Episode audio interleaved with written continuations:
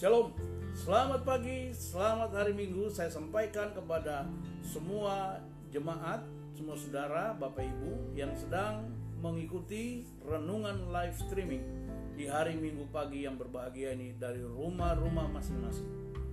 Selamat hari Minggu kepada jemaat-jemaat Tuhan yang ada di Papua, yang ada di Maluku, di Bali, NTB, NTT, di Pulau Jawa, di Kalimantan, Sulawesi, dan di Sumatera, di seluruh penjuru pelosok dunia.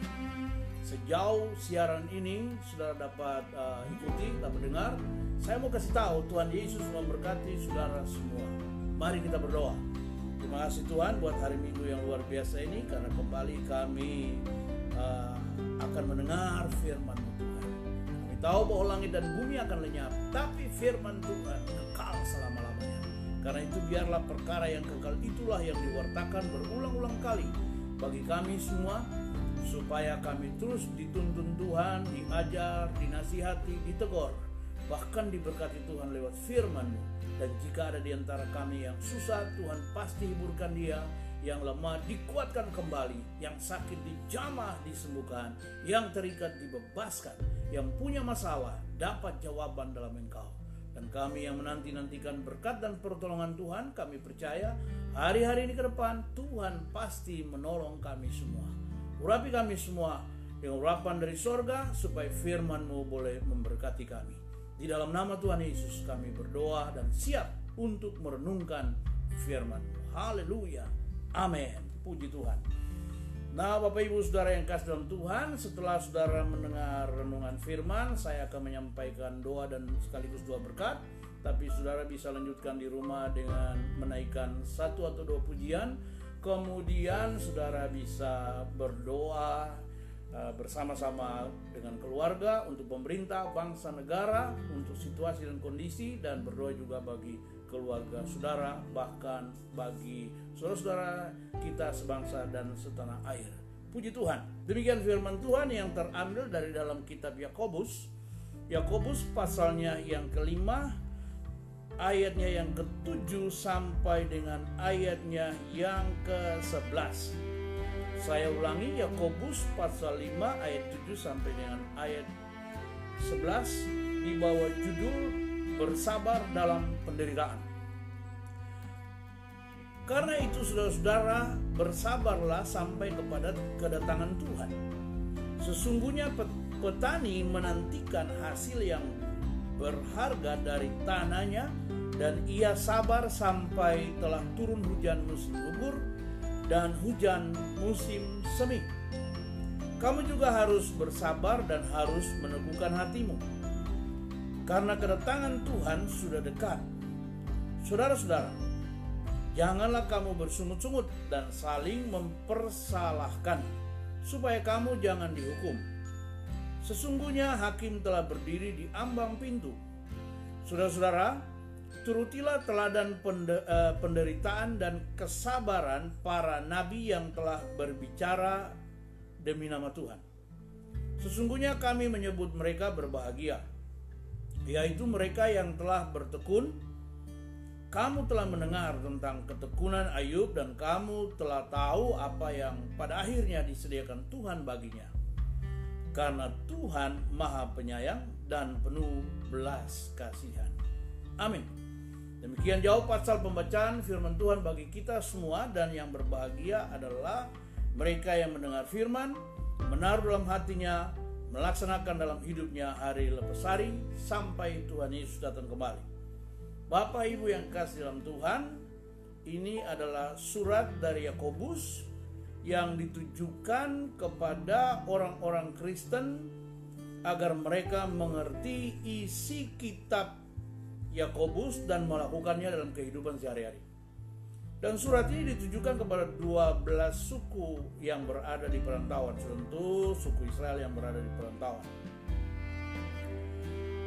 Dan Yakobus menulis ini ya saudara-saudara untuk uh, memberikan kekuatan dan penghiburan serta memberikan kepada semua orang percaya yang sedang menghadapi cobaan, masalah, penderitaan agar mereka dapat keluar atau dapat bertahan menghadapi penderitaan yang sedang menimpa mereka di akhir zaman. Nah, karena itu kita langsung saja uh, langsung saja melihat bahwa minimal dari bacaan kita ini ada empat rahasia dalam kita menghadapi pencobaan, dalam kita menghadapi masalah-masalah dan pergumulan dalam hidup ini. Karena saya dan saudara pasti tahu bahkan percaya bahwa tidak ada orang yang bebas dari masalah. Tidak ada orang yang uh, apa tidak punya masalah. Semua kita yang hidup di bawah kolong langit ini ya, hidup dalam dunia ini kita semua diperhadapkan dengan masalah. Kesulitan-kesulitan selalu ada. Masalah-masalah pencobaan selalu datang. Penderitaan itu selalu ada. Apalagi kita yang percaya kepada Tuhan Tuhan Yesus selalu diperhadapkan dengan berbagai macam masalah dan pergumulan hidup yang merupakan cobaan yang selalu datang dan diizinkan Tuhan untuk menguji kita dan apakah kita mampu keluar dari ujian-ujian itu atau tidak. Sebab tujuan ujian adalah supaya kita naik tingkat, naik level, kita makin dewasa di dalam Tuhan dan tidak menjadi orang-orang percaya atau anak Tuhan yang yang apa yang lemah atau yang kerdil saudara-saudara yang kanak-kanak maksud saya tetapi yang dewasa di dalam Tuhan nah cobaan-cobaan yang menimpa manusia atau penderitaan yang menimpa orang-orang percaya di abad-abad awal di mana surat ini ditulis itu juga dipengaruhi atau ya disebabkan oleh tanda petik ya orang-orang yang pada waktu itu memegang kekuasaan teristimewa mereka yang menguasai ekonomi. Karena kalau mereka menguasai ekonomi mereka menguasai hidup orang lain dan mengatur hidup orang lain bahkan ikut mengatur juga pemerintahan dan waktu itu orang-orang percaya sangat menderita pada waktu itu. Mereka menghadapi berbagai-bagai macam cobaan. Dan Yakobus menulis surat ini untuk memberikan kepada mereka rahasia-rahasia untuk menang atau untuk dapat mengatasi cobaan-cobaan dalam hidup ini untuk penderitaan ini. Karena itu kita lihat minimal ada empat rahasia mengatasi cobaan. Yang pertama dikatakan di sini bahwa kita harus sabar. Ini rahasia yang pertama dalam kita menghadapi cobaan. Harus sabar. Apa itu sabar? Sabar itu dalam kamus besar bahasa Indonesia adalah suatu sikap menahan emosi dan keinginan. Itu sabar serta bertahan dalam situasi sulit dengan tidak mengeluh. Atau sabar merupakan kemampuan mengendalikan diri yang juga dipandang sebagai sikap yang mempunyai nilai tinggi dan mencerminkan kekokohan jiwa orang yang memiliki. Itu sabar. Sebab itu ada orang yang mengungkapkan bahwa sulit kita mengalahkan orang yang sabar atau orang sabar itu adalah orang yang kuat. Nah akhir-akhir ini kita sedang diperhadapkan dengan ya cobaan, dengan pergumulan saudara-saudara, dengan masalah dalam hidup ini, khususnya masalah corona yang sedang menghadapi, eh, yang sedang melanda seluruh dunia saudara-saudara.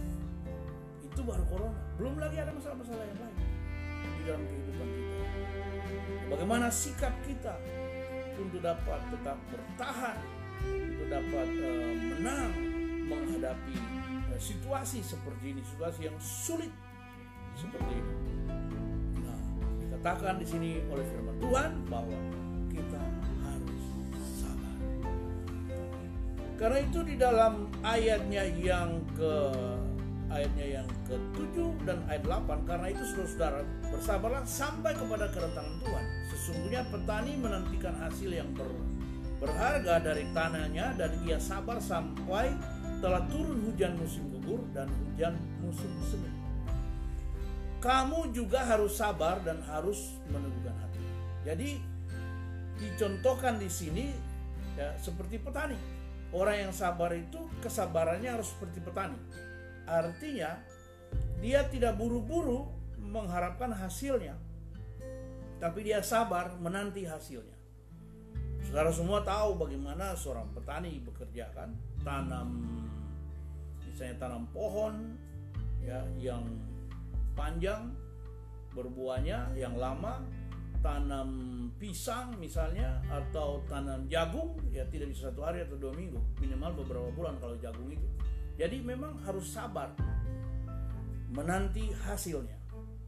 Nah dalam keadaan sabar menanti hasilnya ini bukan berarti berpangku tangan tapi terus bekerja. Nah di sini Yakobus menasihatkan kita agar uh, kita terus berjuang kita terus bekerja ya. Uh, sembari menanti kedatangan Tuhan yang makin dekat ini dengan kesabaran. Ya se seperti seorang petani bahwa pada akhirnya ada hasilnya. Dan penantian kita akan kedatangan Tuhan pun pada akhirnya ada hasilnya. Kita akan berjumpa dengan dia. Jadi ini rahasia yang pertama. Bahwa kita harus sabar karena itu di dalam Amsal pasal 16 ayat 32 di sana dikatakan begini bahwa orang yang sabar melebihi seorang pahlawan. Orang yang menguasai dirinya melebihi orang yang merebut kota. Jadi orang sabar itu melebihi seorang pahlawan. Jadi kalau sudah sabar sebenarnya saudara bukan saja pahlawan, lebih daripada pahlawan. Ini kan luar biasa ya. Dan di dalam pengkhotbah pasal 7 ayat 8 dikatakan bahwa akhir suatu hal lebih baik daripada awalnya. Panjang sabar lebih baik daripada jadi orang yang sabar itu orang yang memang memiliki apa? Memiliki kualitas memiliki kualitas atau sikap yang mempunyai nilai tinggi dan mencerminkan kekokohan jiwa dari orang yang sabar itu. Jadi orang sabar itu kokoh. Orang sabar itu memiliki nilai yang tinggi dia bukan orang biasa-biasa tapi orang sabar nah, kita sabar menghadapi tantangan kesulitan masalah yang sedang menimpa kita semua ya kita sabar dengan menaati aturan pemerintah ya dengan menaati protokol kesehatan maka kita semua bisa ikut memutuskan mata rantai dari penyebaran virus ini saudara-saudara. Jadi harus sabar. Di rumah dulu ya keluar depan rumah pakai masker itu harus. Kita harus lakukan itu. Cuci tangan harus sabar kita lakukan itu begitu juga dalam menghadapi ya masalah-masalah yang lain ya sikap-sikap yang lain antara sesama kita tidak boleh gampang emosi gampang marah tapi kita harus sabar menghadapi setiap keadaan dan situasi Suami harus sabar hadapi istri, istri juga begitu terhadap suami, terhadap anak-anak, dan terhadap orang serumah. Kita harus sabar. Kadang-kadang memang sabar itu ya bisa juga diperlihatkan dengan ya sapu-sapu dada lah, dada begitu. Tahan aja. Tahan. Itu orang sabar ya. Tuhan mau kita sabar. Yang kedua, yang kedua rahasia yang kedua dalam menghadapi eh, masalah adalah kita harus meneguhkan hati. Meneguhkan hati. Kamu harus sabar dan meneguhkan hati. Hati ini harus teguh. Dengan kata lain, hati ini harus kuat. Jadi kalau di dalam apa itu kamus bahasa Indonesia itu itu eh, menegarkan mengeraskan, menguatkan hati. Atau menambahkan. Ya, menambahkan, menegarkan, mengeraskan, menguatkan hati. Jadi kuat dan teguh. Ya, hati ini harus kuat, harus teguh. Di dalam uh, Yosua uh, pasalnya yang pertama ayat 7, ayat 6, 7 dan ayat 9 di situ tiga kali dikatakan kuatkan dan teguhkanlah hatimu dengan sungguh-sungguh. Ayat 7 juga, kuatkan dan teguhkanlah hatimu dengan sungguh-sungguh. Ayat 9-nya itu berkata, bukankah telah ku sampaikan kepadamu, kuatkan dan teguhkanlah hatimu, jangan kecut dan tawar hati. Wah, ini dia, ya. Jangan kecut dan tawar hati. Jadi, hati kita ini harus kuat harus teguh. Karena hati ini kalau mudah goncang, mudah goyang, bahaya. Kita bisa jadi lemah. Sebab hati ini adalah pusat hidup daripada manusia. Ini hati. Jadi hati yang kita harus kuatkan dan teguhkan. Orang boleh saja tangannya lemah, kakinya lemah, barangkali tidak kuat. Tapi kalau hatinya tetap kuat, teguh, tidak akan kalah terhadap masalah dan pergumulan hidup. Karena masalah tentang kesulitan-kesulitan itu bukan manusia, bukan sesuatu yang dapat dilihat, tapi itu dia bersifat menyerang dalam pikiran dan perasaan kita. Sehingga kadang-kadang kalau kita tidak kuat, kita goyah, kita kalah. Jadi orang yang meneguhkan hatinya, dia pasti tetap berdiri teguh, siap menghadapi setiap keadaan dan situasi. Orang-orang ini pasti mampu bertahan dalam cobaan hidup. Ingat bahwa cobaan, masalah, penderitaan itu ada masa expire. Dia tidak kekal. Tapi dia ada waktunya. Suatu waktu pun kita semua kita percaya bahwa kita akan keluar dari masalah COVID-19 ini sudah. Karena tidak mungkin virus ini akan kekal. Ada waktunya dia akan stop berhenti.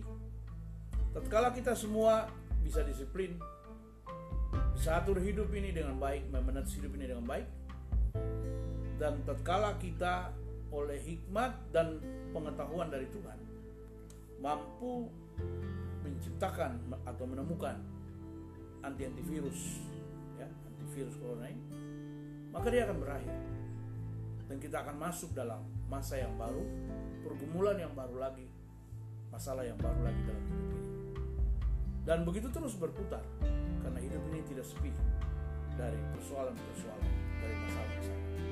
Tapi ingat, hati kita harus teguh. Kita tidak boleh mudah putus asa, apalagi mudah patah hati. Karena itu jaga hati dengan segala kewaspadaan. Sebab dari situ terpancar Tuhan yang ketiga, ya rahasia yang ketiga dalam menghadapi cobaan hidup adalah kita tidak boleh bersungut-sungut. Saya baca ayatnya sekali lagi dalam ayatnya yang ke-9. Saudara-saudara, janganlah kamu bersungut-sungut dan saling mempersalahkan supaya kamu jangan dihukum. Sesungguhnya hakim telah berdiri di amat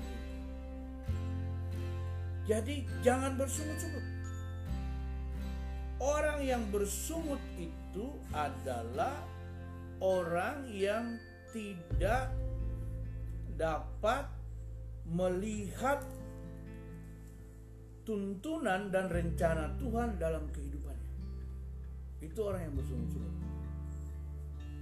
Tapi orang yang terus bersyukur adalah orang yang tahu bahwa segala hal menetangkan kebaikan bagi orang yang mengasihi Tuhan. Sebab Segala sesuatu dalam hidup ini bekerja sama dengan Allah. Melalui masalah, melalui pergumulan-pergumulan, melalui penderitaan-penderitaan, Allah punya tujuan dengan hidup kita. Supaya hidup kita makin berkualitas.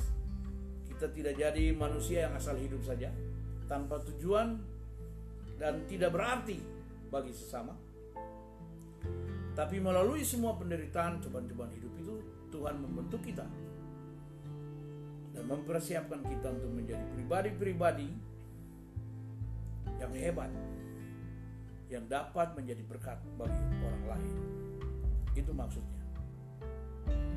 Karena itu di dalam 1 Korintus pasal 10 ayatnya ke-10 saya bacakan bagi kita semua 1 Korintus pasal 10 ayat 10 di sana dikatakan begini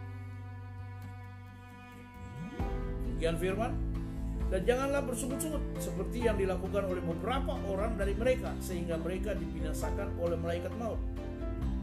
Semuanya ini telah menimpa mereka sebagai contoh dan dituliskan untuk menjadi peringatan bagi kita yang hidup pada waktu di mana zaman akhir telah tiba. Saudara semua mengerti ayat yang saya baca ini? Ini adalah cerita tentang Israel yang berjalan di padang selama 40 tahun dari Mesir menuju ke Kanaan. Selama perjalanan itu Tuhan menyertai mereka atau kehadiran Tuhan dinyatakan melalui tiang awan di waktu siang hari dan tiang api di waktu malam hari. Tuhan juga memberikan kepada mereka mana setiap hari yang turun dari sorga. Roti yang turun yang mereka harus kumpul tiap pagi dan mereka olah menjadi makanan. Tuhan menyertai mereka. Tuhanlah yang menuntun mereka. Tapi bangsa ini sepanjang perjalanan mereka dari Mesir menuju ke tanah Kanaan. Setiap hari mereka hidup dengan persungutan-persungutan. Karena itu Tuhan marah mereka dan membinasakan mereka. Sebab itu Yakobus mengingatkan kita kembali bahwa kita tidak boleh bersungut-sungut. Sebab dengan kita bersungut maka kita itu sebenarnya sedang menyepelekan pemeliharaan dan tuntunan Tuhan dalam hidup kita. Orang yang bersungut itu adalah orang yang tidak mengerti kehendak dan rencana Tuhan. Orang yang bersungut itu adalah orang yang menyepelekan pemeliharaan Tuhan. Tapi orang yang bersyukur adalah orang yang mengetahui bahwa Allah terus bekerja dalam kehidupannya sehingga yang baik maupun yang tidak baik harus kita terima dan kita bersyukur untuk hal-hal seperti ini. Jadi sekali lagi dalam situasi seperti ini mari kita semua tetap bersyukur. Colek temanmu di sampingmu, istri atau anak atau suami dan katakan jangan bersyukur. Bersyukur. Sebab Tuhan baik bagi kita. Yang terakhir ya. Yang terakhir, rahasia yang terakhir kita harus terus meneladani hidup para nabi. Meneladani hidup para nabi.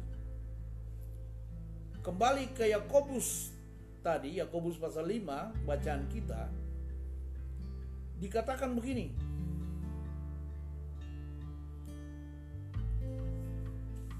Saudara-saudara, ayat 10, turutilah teladan penderitaan dan kesabaran para nabi yang telah berbicara demi nama Tuhan. Jadi Yakobus mengajak kita untuk menuruti teladan para nabi yang hidup dan berbicara bagi Tuhan. Turuti teladan mereka.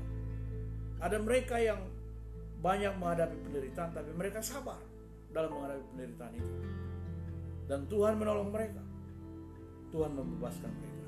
Walaupun ada juga yang memang tidak tertolong. Dibunuh, digergaji, disiksa. Tetapi mereka tetap mereka tetap siap menderita dan memberikan teladan. Teladan ketekunan yang luar biasa. Lalu di dalam ayat yang ke-11 sesungguhnya kami menyebut mereka berbahagia yaitu mereka yang telah bertekun. Kamu telah mendengar tentang ketekunan Ayub dan kamu telah tahu apa yang pada akhirnya disediakan Tuhan baginya karena Tuhan maha penyayang dan penuh belas kasihan. Nah pada akhirnya Yakobus mengajak kita meniru atau meneladani uh, kehidupan para nabi lalu mencontohkan dan menyebut secara langsung Ayub. Dan ibu bapak semua sudah tahu tentang siapa itu Ayub. Ya. Ayub adalah seorang yang sungguh-sungguh bertekun mencari Tuhan dan di dalam pergumulannya dalam dia menghadapi masalah pada akhirnya Tuhan justru memberkati dia meluputkan dia nah, jadi teladan ketekunan ini yang perlu kita kita teladani kita tiru. Nah, sebab itu di dalam Amsal sorry. Dalam Amsal pasal 18 ya. Amsal pasal 18 dikatakan begini. Amsal pasal 8 maksud saya, maaf. Amsal pasal 8 ayat 17 saya baca bagi kita semua. Aku mengasihi orang yang mengasihi aku dan orang yang tekun mencari aku akan mendapatkan aku. Jadi Tuhan mau dalam situasi apa pun ya, pergumulan apa pun, masalah apa pun yang kita hadapi, kita harus tetap bertekun. Sekali lagi kita harus tetap bertekun. Karena kita berkata, aku mengasihi orang yang mengasihi aku dan orang yang tekun mencari aku akan mendapatkan aku. Lalu Amsal sambung, kekayaan dan kehormatan ada padaku, juga harta yang tetap dan keadilan. Buahku lebih berharga daripada emas, bahkan daripada emas tua. Hasilku lebih daripada perak pilihan. Ayat 20, aku berjalan pada jalan kebenaran di tengah-tengah jalan keadilan. Ayat 21, supaya kuwariskan harta kepada yang mengasihi aku dan kuisi penuh perbendaharaan mereka. Kalau kita tetap tekun mencari Tuhan, maka Alkitab berkata, kita akan mendapatkan Tuhan. Dan kalau kita mendapatkan Tuhan, itu adalah harta yang sangat berharga dalam hidup ini. Karena Tuhan adalah segala-galanya. Sekali lagi saya beritahukan kepada kita semua. Tuhan adalah segala-galanya. Karena itu apa pun masalah, apa pun pergumulan yang sedang saudara hadapi, ingat baik-baik ada empat rahasia untuk mengatasi masalah dalam hidup ini. Yang pertama, kita harus tetap sabar. Yang kedua, kita harus tetap meneguhkan hati ini. Dan yang ketiga, jangan bersungut-sungut, tapi sebaliknya bersyukur karena Tuhan baik. Dan yang keempat, teladanilah hidup para nabi, di mana mereka bertekun. Mereka sungguh-sungguh dengan Tuhan. Dalam hal ini Ayub walaupun semua hartanya habis, anaknya mati semua. Tapi karena dia bertekun, karena ketekunannya yang luar biasa, maka Allah memulihkan keadaannya, mengembalikan lagi hartanya dua kali lipat, mengembalikan lagi anaknya dan anak-anak yang perempuan cantik-cantiknya luar biasa. Puji Tuhan, Semoga saudara semua tetap kuat dalam Tuhan dan tetap menanti dengan sabar pertolongan Tuhan yang akan datang kepada kita semua dan kepada bangsa dan negara kita. Mari kita berdoa. Tuhan kami bersyukur karena hari ini kami boleh mendengar firman. Ada empat rahasia dalam menghadapi masalah dalam hidup ini. Persoalan-persoalan Tuhan tolong kami supaya firman yang kami dengar ini kami mampu menghidupinya. Karena dengan demikian kami pasti akan melihat pertolongan daripada Tuhan. Kami berdoa secara khusus buat jemaat-jemaat semua yang ada di rumah-rumah yang tersebar di mana-mana. Tuhan tolong mereka semua. Apa pun masalah dan pergumulan yang sedang mereka hadapi hari ini, Engkau adalah jawaban bagi mereka. Terima kasih. Kami doakan pemerintah bangsa dan negara yang kami serahkan dalam tangan Tuhan. Tuhan tolong bangsa kami, negeri kami. Tuhan berkati Bapak Presiden, Wakil Presiden, Menteri-Menteri. Begitu juga para gubernur, wali kota, bupati, camat, lurah, RW, RT. Tuhan kasih kekuatan kepada mereka semua dalam memimpin bangsa ini.